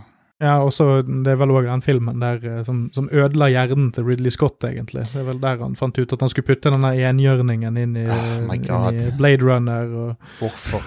Men, men eh, OK, så Jerry Goldsmith han hadde jo en uh, svær falling out med Ridley Scott på Alien. Å, hadde han det? Ja. Eh, grunnen til det var at uh, klipperen hans han, Er det Rawlings han heter? Altså han som redigerer selve filmen? Ja, Ter Terry Rawlings. Han uh, og Goldsmith kom ikke overens. Eller de, de var veldig i tottene på hverandre. Um, Altså han som redigerer filmen for Scott, han avgjør jo på en måte hva ja. hvor, mye, hvor mye rom musikken får, Og- på en måte. Altså de, de, de krangla mye om hvor mus, liksom, Og han, han klipperen han henta inn Goldsmith-musikk fra andre filmer og sånn og putta inn i filmen. Altså det, det som endte opp i, i uh, theatrical? Ja, ja, og det er, ja, det er i den ferdige filmen. Uh, blant, det er musikk fra en film som heter Freud, blant annet, som har Goldsmith-musikk. Det visste jeg ikke, faktisk. Um, men så prikken over i-en, da, det som var liksom siste dråpen for Goldsmith, var at uh, de bare erstatta rulletekstmusikken i filmen med et klassisk stykke. Ja. Uten å si fra til Goldsmith. så han fant, fant ut av det, liksom. Når filmen var ferdig. Det er så pussig, for den filmen den kom jo ut òg i 1979, liksom. Ja. Så, og på samme måte som eh, Star Trek The Motion Picture, så er åpningssekvensen av filmen er så til de grader eh, Goldsmith sin fortjeneste. Ja, hvis ja. det er hans tema de har brukt. der. Ja, ja, ja, det er han. han, hans det, spesialskrevne. For at det er den, den melodien bare setter deg så til de grader inn i hvilket sci-fi-univers du skal få oppleve, på akkurat samme måte som main titles i Star Trek. Det er utrolig effektiv skrekk-score, den Alien. Jeg, jeg kan ikke tro at vi kom, gikk så langt uten å nevne Alien, for det er jo samme året og samme komponisten, og, Samme sjanger. og samme sjanger. eh, men det er helt forskjellig. Total forskjellig sound, liksom. Jeg tenker veldig lite på at det er Goldsmith som har den, faktisk. Ja. Men det er vel fordi at der er det vel òg at det er vel James Horner i Aliens, og så er det vel Elliot Ja. Goldenthal i Ja, så det det, der er det heller ingen sånn koherent musikalsk eh, Nei. visjon for den filmserien, egentlig. Det er ingen kontinuitet der, men jeg, jeg, lik, det skal, jeg må si at jeg liker alle de tre, da. Det er det samme her. Og det, Alien er en litt annen serie og filme enn det Star Trek er. fordi at Det det, er det. er, det var ikke noe før filmene startet, og hver film er lagd av en ny regissør med en ganske klar visjon, så det er ikke og det er bare én hovedperson, så det er sånn det, Rommet for tolkning og endring er mye større enn Ja. eh, Star Trek. Kunne tenkt meg en crossover der, da. Det hadde jo vært jævlig gøy. ja, jeg tror det fins en crossover. eh, i tegneserieform. Um, jeg tror det er Star Trek TNG og Alien tror jeg har vært en krysning en gang. Oh, ja. Men faen at de ikke har lagd en sånn uh, original series Kirk som slåss mot en si sånn xenomorph, eh, sånn som den der Gorn-scenen. Det høres kanskje litt weird ut, men det, det er ikke på langt nær så merkelig som uh, Archie meets The Predator-serien. Nei, Den har ikke jeg lest, men jeg, jeg, hjemme hos min mor på loftet der ligger Archie meets The Punisher. Ja, stemmer. Ja, fordi han har, de har en. Punisher-crossover og Predator-crossover med Archie, så men, uh, men ja, så St Jerry Goldsmith var jo ikke ferdig med Star Trek her. Han kom tilbake i femmeren. Og den fenomenale musikken den. Elsker han, syns han er helt, helt konge. Men filmen er uh, ganske ræva, så Jeg er litt på den siden at det er en sånn dårlig film som jeg kan ha på, og så, bare, så lenge jeg ikke følger så veldig nøye med, så er han helt enig. For det, det er noen bra karakterøyeblikk igjen. Ja, og så syns jeg han ser ganske fin ut. Og så liker jeg litt den her eh, Ja, at de, de, de ripper off litt forskjellige ting fra Star Wars. Ja, de gjør det. Ja. Og så liker jeg at de slo uh, Total Recall på ett år med trepuppet uh, dame. Det er sant, det. Det har jeg ikke tenkt over. Og så kommer han tilbake i Star Trek First Contact, er veldig annerledes musikk, bortsett fra at han bruker jo Star Trek-tema, da. Men uh, Og så gjorde han to til, som, uh, som er verdt å sjekke ut hvis du er Goldsmith-fan, og det er jeg, så Var det han som gjorde Gen Nei, eh, var det han som gjorde Nemesis? Han gjorde Nemesis, ja, han gjorde det. Det var kanskje en, sis, en av de siste filmene han gjorde, kanskje. Ja, det var de, den og Looney Tunes Back in Action av Joe Dante, som uh, Ja, det var jo en mer verdig enn uh, Nemesis. Ja, og den filmen er jo ganske ok, den da, syns jeg. Den uh, Looney Tunes. Han er, ja, ja, den, ja. han er bedre, bedre enn enn Space Jam. uh, et, Den tå har ikke tålt tidens tann, Nope. for å si det mildt. um, jeg, altså, jeg stoler mer på Joe Dante som lager Looney Tunes, enn de som lagde Space Jam, for å si det sånn. Ja, Han har jo laget en Looney Tunes-film allerede, Ja. med Gremlins 2. Han har det. Uh, men i, i, i Looney Tunes Back in Action så dukker Gremlins-temaet opp. uh, Ja, det gjør det. det. Jeg har ikke sett den filmen på siden den kom For ut, det- omtrent. Men jeg, jeg husker at det var et eller annet inni det er en bil En modell av bil i filmen som heter Gremlin. Ford Gremlin. når, når du ser den, så dukker Gremlins-temaet opp. Jeg vet at den bilen eksisterer, for noe av det første jeg gjorde da jeg fikk internett, var å søke etter Gremlins. fikk, fikk jeg opp bilder av masse biler. Det var før Google var begynt å bli treffsikker, si det mildt. En veldig Altså, stygg, veldig, veldig stygg bil. Um, men, men ja, det er så mye Jerry Goldsmith som jeg kunne gått innom. Jeg, jeg vil jo si at um, en, veldig sånn der eh, lett uh, Hva heter det for noe? Ikke easy listening, men det var, han har vært veldig lett å sette på, veldig lett å fordøye. Det er Air Force One. Og en god film. For. Ja, jeg liker den. Det er, det er jo en av de bedre sånn Die Hard-klonene. Mm. Uh, for det er jo basically bare Die Hard på et fly. Og med Harrison Ford istedenfor. Ja. Og den, den er kul, og musikken der er, er helt sjef. Og den, etter sigende så måtte, måtte han skrive den musikken på ei uke, Ok. Uh, fordi Sånn. Randy Toy, Toy Stories Randy Newman og, og sangeren og, og musikk uh, Singer-songwriteren Randy Newman, han lagde musikk til Air Force One først. Hvorfor i helvete gikk de for Randy Newman? Det er et utrolig bra spørsmål. Men han er jo en, han, Er ikke han bare en sånn fyr som sier sånn dupp, dupp, dupp. han er jo en klassisk utdannet komponist. Han, han har jo scoren til Toy Story og sånn, og den er jo, den er jo orkesterscore, så han kan det, liksom. Men Altså, det er jeg tenker liksom ikke action-epos når jeg eh, hører Toy Story. nei så han, Uansett. så han ble, den, den musikken ble ikke brukt, men den er utgitt senere. Litt sånn som Jerry Goldsmith sitt tema til Judge Dredd. Uh, ja, stemmer. Han gjorde trailer, uh, trailermusikk til den. Han skulle jo egentlig, egentlig lage musikken til, til 1995 Judge Dredd, men uh, så ble det Alan Silvestri som gjorde det. Jeg kunne bannet på at jeg leste at han hadde fullført en, en god chunk før de byttet ut. Det, jeg vet faktisk Eh, ikke. Det kan, det kan hende, altså. Men uh, det jeg vet om er, altså det, som, det eneste som er kommet ut noen gang, er det som han gjorde til traileren. Ja, fordi at den musikken som ble brukt i Judge Red-traileren, har òg blitt sånn trailermusikk til mange andre filmer seinere. Den er jo veldig kul, så Ja, den er det. Bare passer ikke Jeg vil si det de gikk for i eh, med Silvestri sin, er jo mer passende til hva den filmen endte opp med å bli. da. Ja, den er herlig. Jeg elsker Alan Silvestri sin musikk til Judge Dredd. Den er fenomenal. Jeg liker for så vidt den filmen, så lenge man kan se på det som en sånn cheesefest med Stallone og ikke en Judge Dredd-film, så fungerer den ganske Jeg greit. liker, mye, jeg liker mye med han. Det er mye å like i han. Um, jeg, jeg hater Rob Schneider, da. Jeg syns han er forferdelig type. Ja, men han er på en måte ikke Han har ikke nådd peak Nei. Schneider i den filmen. Det er sant. På en måte Han er akkurat sånn at jeg ikke får lyst til å grave ut øynene mine. Det, Men ehm, men jo, eh, jeg vil også trekke fram eh, Rambo Alle tre Rambo-filmene har bra musikk. det var noe jeg kom på nå når vi snakket litt sånn innledningsvis. Jeg hadde egentlig lyst til å ta det opp da, men eh, som du kanskje vet litt bedre enn meg. Men når det kommer til dette hovedtemaet i Rambo-filmene Ja. til Goldsmith, så er, det jo, er jo det en sånn melankolsk trompetmelodi. Ja. eh, ganske sånn somber. Men hvem er det som har funnet opp den tonen, eller den melodien først? For det er òg en sang som heter He's Not Heavy, He's My Brother, eller et eller annet sånt. Nei, ikke den, men uh, It's a Long Road. Eller det er en Det er- sånn sang på rulleteksten. Ja, It's a Long Road. Det er jo Jerry. Goldsmith som har skrevet den sangen. Ja, ok. Er det en film som er skrevet til First Blood? Ja. Ja, okay. Det er det. Det er, det er en James Bond-ting med at de er, det, sangen, har, sangen og temaet i filmen er, er, er liksom samme melodien. Mm. Sånn som sånn så, Ja, men stilig. Ja. og så i Rambo 2 så, så introduserer han et actiontema i tillegg, nå, som er, som er veldig sånn 80-talls heroisk actiontema i god uh, na nasjonaliststil. så Reagan- Reagan-tida.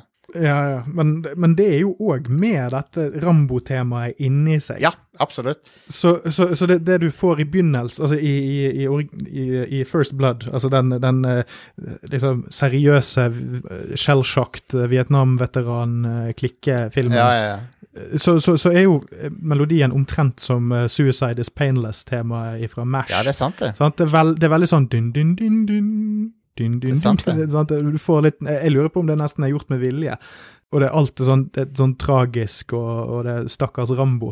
Og så putter du den samme tingen, liksom eh, temalåten for PTSD-en hans, putter du inni actionbiten der han står og skyter, Ja, ja, ja. skyter 100 vietnamesere med eksplosiver Og, Det er helt sant. eh, det er nok Ja, det er òg en podkast. Det er veldig bra, veldig bra musikalsk Det kontinuitet i de tre filmene. Der han, Ja, ut, det det. han utvikler de samme ideene over tid, liksom. Så det er veldig kult. Ja, og så er det òg det som gjør Rambo 4 bra i min bok, er at den avsluttes med den musikken. Ja, ja, og det var jo passende, uh, veldig passende å gjøre, da. Ja, og, og det liksom Rambo-serien begynner med at han går på en vei uh, og skal et sted, og så skulle den da slutte med at han går en vei og så skal et sted og kommer hjem, og den musikken spiller, så det passet Ja. en veldig fin bookend, syns jeg. Men så fucket han det jo opp, da, med å lage Death Wish on a Farm uh, i, Ja. for et par år siden. Jeg, jeg, jeg, jeg så aldri denne, for det, det virker så deprimerende. Ja, den er, den er bra hvis du har lyst til å se en Death Wish-film med De har jo- Sylvester Stallone. De remaker jo Death Wish med fuckings eh, Bruce Willis òg, gjør de ikke det? Ja, men uh, jeg vil si at Rambo 5 er en bedre reboot av, av Death Wish enn uh, Ja. Death Wish. De, Death Wish hører hjemme i den tida de ble laga, føler jeg veldig. Ja. Det er sånn en film om en, en hvit eh, gammel mann som uh, går på sånn hevntokt mot eh, gjengmedlemmer og sånn. Jeg, jeg vet ikke helt om det hadde flydd i dag, men Nei, det er, det er kanskje en stay tuned for uh, jeg, jeg må bare opparbeide meg en viss forståelse av om publikummet mitt er interessert i å høre, høre om den slags type politisk ukorrekthet i en time. Men Char Eller- Charles Bronson er jo en veldig kul fyr, da. Det er jo en av grunnene til at jeg, jeg er veldig fan av Death Wish-filmene generelt. Og det er litt artig med å se en film som òg da begynner med en filmserie som begynner med å være en sånn noenlunde seriøs ja. eh, karakterstudie som faktisk prøver å gjøre et poeng ut av noe, Ja. og så ender det opp med å egentlig bare i, I film tre så står han og meier ned et assortert utvalg med minoriteter i med maskingevær Yes! i New Yorks gate. Uh, så vil, jeg, Så- så vil jeg anbefale Total Recall-soundtracket, som er det, Jeg vil si det ypperste av eh, det han, det han drev og eksperimenterte med av å blande elektroniske orkester. Total Recall er nesten sånn 50-50-forhold mellom orkester og synt. Der, Stund siden jeg har sett den. ja, og det, den, den musikken er fabelaktig, og han har, han har liksom Måten han bruker elektroniske og synthesizer-instrumenter på sammen med orkesteret, det, det er som om det var instrumenter som hører hjemme i orkesteret. Så det er sånn, som om det var et rytmeinstrument eller et strengeinstrument eller noe. Så, så det er veldig sånn integrert i orkesteret, er, og det høres helt naturlig ut. Så det er en utrolig bra sånn blanding av synt og orkester, eh, som holder seg godt. Ja, for det, det er litt artig at du sier det, for det, jeg har egentlig bare én en melodi fra den filmen i hodet nå, og det er det, det tittelsporet. Når, når du bare Stemmer. får se selve tittelen danne seg. Ja. Det var òg tydeligvis noe Jerry Goldsmith var god på. Nå skal vi høre musikk mens vi ser noen bokstaver flytte på seg ja, i et sånt tomrom. Men, men eh, den føles òg litt som en sånn kombo av litt de greiene jeg henter fra Gremlins og Rambo. ja. At han, at han har på en måte en sånn tone han går for med sånn muskeldudes som skal ut og herje. Oh yeah. Eh, som, som på en måte Det er litt artig å plukke opp disse her assos... Altså, komponister har sånne tells, eller noen sånne, sånne grep de gjør, sånn at de trenger ikke å liksom kopiere seg sjøl, men det er en sånn det er et sånt det er en sånn sone de går inn i når de skal skrive visse typer temaer. Absolutt. Det er sånn morsomt å kjenne igjen de bare ut ifra en samtale. Eller, Han er, Goldsmith er jo veldig på å bruke, på å bruke horn, da, eller sånn eh, althorn, eller hva det heter for noe. Og han bruker de på en veldig sånn muskuløs uh, måte, da. Så de er sånn Det er ikke myke toner, men de, de blåser i de, liksom. Så, og det gir det veldig sånn der macho sound, da. Ja, Du skal jo tross alt se Arnold Schwarzenegger rive av armene til Ja. folk i to timer. Så. Så det er sånn eh, Han, han, eh, han er god på sånne macho-filmer. det var han veldig go, eh, god på å fange tonen av, syns jeg. Ja, og, og igjen, jeg syns han er jævlig god på dette med å fange altså begge sidene av figuren, Ja. filmfiguren Rambo. Sant? Altså det at han, han, han, han klarte å lage et seriøst dramamusikk, Ja, ja, ja. og så, Og så det og så jeg- jeg- bygge videre jeg- og gjøre det ko-ko. Jeg skrev jo en bacheloroppgave om filmmusikk, og, og da um, dekka jeg blant annet First Blood, da, uh, i, som en del av den. Og um, der, der, skrev jeg at Hvis jeg husker riktig så, altså, I Rambo så er det Du har de melodiene som dukker opp. Det er jo denne It's a Long Road, og så er det et, et nytt tema i Rambo 2. Men mm. så har du et sånt PTSD-motiv som dukker opp av og til i tillegg, som er veldig interessant. Som er et sånn rytmisk figur som man bruker i actionmusikken og i mye av suspensmusikken. Og det, det, går sånn her Og det, og det går, går igjen og det er liksom hver gang Hver gang det er action eller noe som trigger PTSD-en hans, eller noe sånt, så dukker det motivet opp. Men er det brukt i toeren? Det er det, og da har han beefa det opp, så da er det et sånn re rent sånn action eh, For å gi driv til actionen, da. Men det er jo artig, da, for da har han jo på en måte rekontekstualisert PTSD-en hans i altså, Å ja, nå får han utløp for det. Nå, nå mater han PTSD-en sin. Så der, der, det er veldig interessant. Så ta så uh, sjekk ut uh, de to. Da kan du høre forskjellen på, på det. Uh, I tillegg så, så, så gjør han i, I introen av filmen så bruker han det samme motivet med en litt sånn asiatisk twist på. Men det er samme motivet, yes. men det har en sånn en asiatisk sound. Ja, for det, det gjør han vel òg i um, det gjør han også i Gremlins. Der har han jo òg en sånn asiatisk tone. Stemmer. Han- han- Når de er i Chinatown og skal Filmmusikken bare sklir over i Chinatown. ah, det, åh, jeg, får, jeg får frysninger av sånne ting, for det han er så god på å bare plassere det i, i stedet, liksom. Han- Ja, og så tror jeg òg at det han er god på, når jeg sitter her og snakker med deg om det, det han er veldig god på, er at han gjør musikken til en karakter. Det er én ting, eller en rollefigur. Ja. Sånn at musikken er på en måte veldig til stede i scenene. Men det er òg det at han maler Det er ikke sånn realisme. Eh, Du, du blir fraktet til en karikatur av Chinatown. Ja, ja. Derfor får du litt sånn karikert sånn her Kina-musikk Ja, og sånt, men uten at det blir helt sånn over, overboard med at det blir helt sånn smakløst. Nei, det er mer det at det høres jo kult ut, syns jeg, da. Det er sånn kult og mystisk, på en måte. Det er det er jeg liker med det. altså, jeg tror det jeg skal frem til, at det er, det er litt old school på den måten at det eh, Han er ikke redd for klisjeer. Han lar på en måte klisjeene informere scenene. Altså, han stoler på at Ja. han, han, er, han er kompetent nok til å drive sånn referansespill og, og minne uh, seeren på ting som ikke har noe med filmen å gjøre, men han er kompetent nok til å ikke dra deg ut av filmen. Ja. Hvis du skjønner. At han, han klarer å skape et sånn assosiasjonsunivers, men som er helt sånn uh, self-contained til den scenen du ser, da. Ja. Eh, Jeg er enig. Um, ikke for å trekke inn eh, Jeg beklager å måtte trekke inn no Roman Polanski her inne, men uh, Chinatown. passer greit, det. Du, har du sett Chinatown? Eh, det er veldig lenge siden, For det er jo eh, og jeg var ganske full, så det er noe Plottet er helt vekke.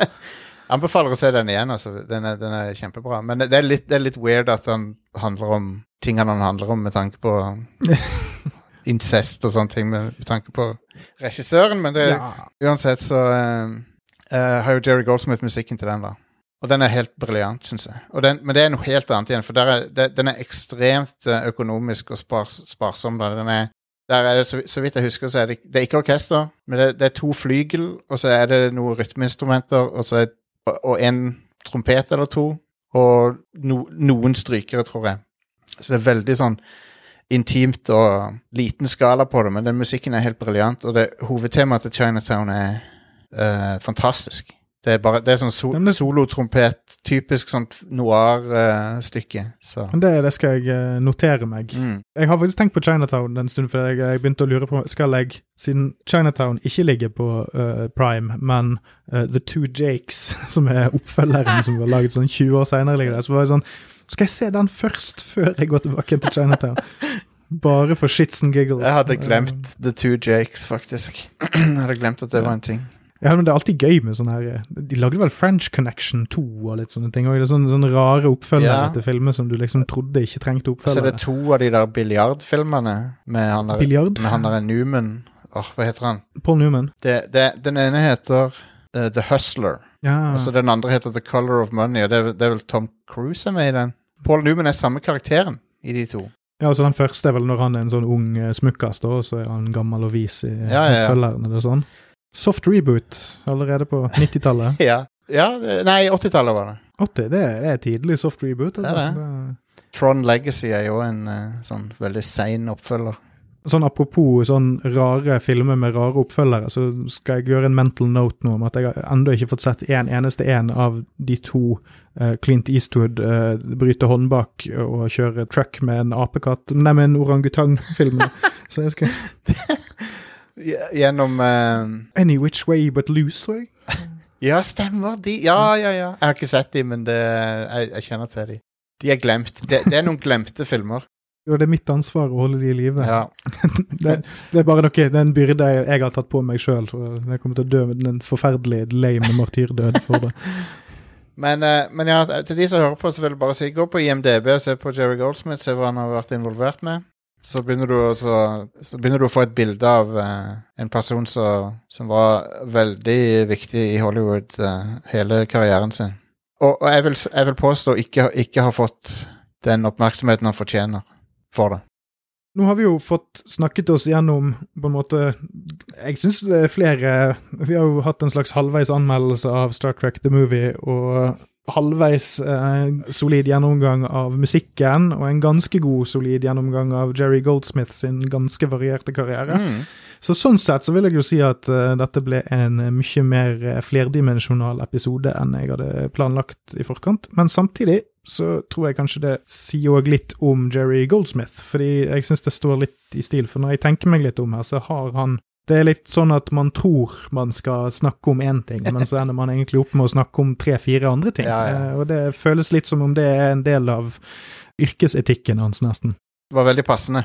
Og jeg har kost meg. Jeg kan snakke om dette her i timevis, så Jeg må bare si tusen takk eh, til deg, eh, Radcrew Jostein, som jeg alltid det, er liksom, det står printet Radcrew foran navnet ditt oppi hodet mitt. Men takk til deg, Jostein Hakestad, yes. For at du kom på besøk. Bare hyggelig. Og ha det bra. Ha det.